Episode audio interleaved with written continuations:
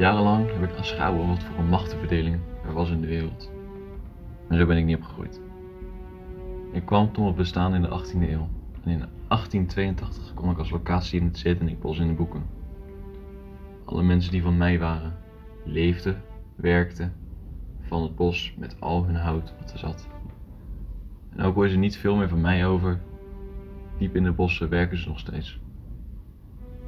Dan was ik jaren gewoon niks meer dan een dorp met veel onschuldige mensen. En zoals het gaat met de wereld, tijden veranderen. De oorlogen braken aan en ook al is er niet bijster veel bijzonders gebeurd tijdens de oorlog, ik wil graag vertellen over mijn tijd. Na de oorlog. Dat ik miljoenen Sovjet-soldaten met de familie zijn onderdak heb geboden. Deze waren allemaal deel van het GSSD, de groep van Sovjet-strijdkrachten in Duitsland. Ik liet ze binnen wetende dat hun taak was om het verdrag van Potsdam te handhaven en zo de DDR te kunnen beschermen, het volk indirect te kunnen beschermen. De redenen waarom zullen het nadenken waard kunnen zijn, maar eerlijk is eerlijk, echt veel keuze had ik niet. Het is niet dat ik gemakkelijk weg kon lopen, of wel dan? Hm, nee. Weglopen kon ik niet, maar mijn aanwezigheid had wel stappen gemaakt. Er zijn een hoop bosdelen gekapt en ik werd stevig uitgebreid. Ik kreeg een kazerne in me en het vormde het grootste Russische garnizoen buiten Rusland. En tevens een van de belangrijkste. Zo heb ik dus gezien wat voor een macht er in mij zat. En altijd stond het op scherp. Ik lag voor de tijd van toen erg strategisch, want ik lag erg in de buurt van Oost-Berlijn. Ik heb altijd liever gehad dat alles vreedzaam zou verlopen, maar in deze spannende tijden konden de legertroepen die ik onderdak gaf snel te plaatsen zijn, mocht er een probleem vormen. Misschien was ik een landverrader voor de Duitsers, zo zag het Westen mij al lang niet meer als het vredelievende dorp. Zo slecht was het in Vogelsang niet.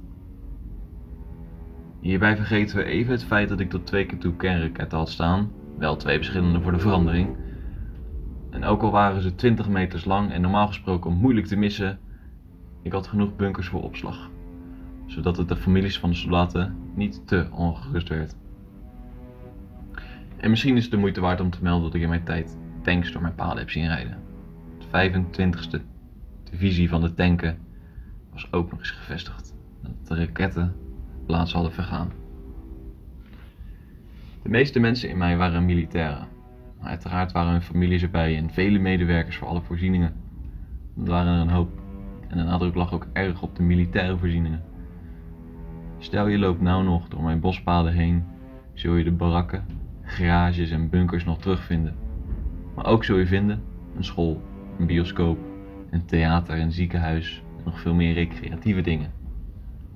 Ik vind het fijn dat ik niet de boeken in ben gegaan als militair kamp puur sang. Hadden bij mij een prima gezinsleven. En als ik erop terugkijk en als ik dan terugdenk aan al die tijden, is dat best gek eigenlijk.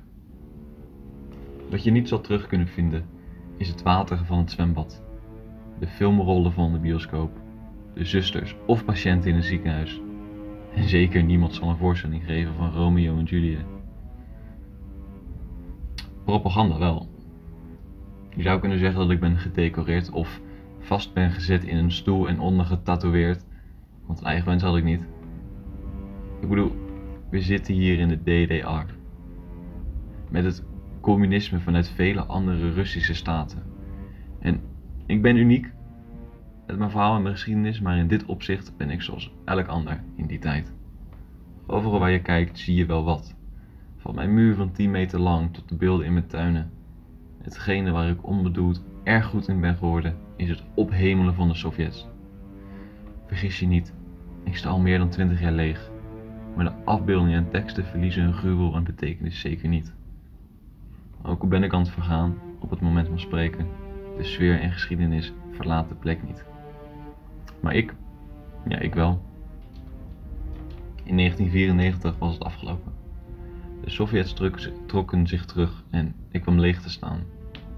De trots werd van me afgepakt, want wat deed ik er nou nog? Dat dachten de Duitsers ook. Ik ben toen al deels gesloopt, maar nog niet compleet weggevaagd. De sloop is net als de raketten in mijn bunkers nooit zo ver gekomen. Hierna ben ik verder maar achtergelaten om te vervallen in de bossen, die ooit mijn opbouw betekenden. Over een tijdje ben ik er misschien gewoon niet meer. Dus voor alle toeristen en urban explorers die nog naar mij toe willen komen en de geschiedenis willen zien, wees welkom. Doe het Kate. Ik nodig je uit. Maar doe het snel. Want voor je het weet, klap mijn laatste deur dicht, valt het laatste van de muur neer, nemen de bomen een plek terug, zijn mijn enige bewoners nog de herten. Voor je het weet, zie ik niks meer, hoor ik niks meer spreek ik niks meer. De Duitsers zullen wel denken over mij. See no evil, hear no evil, speak no evil.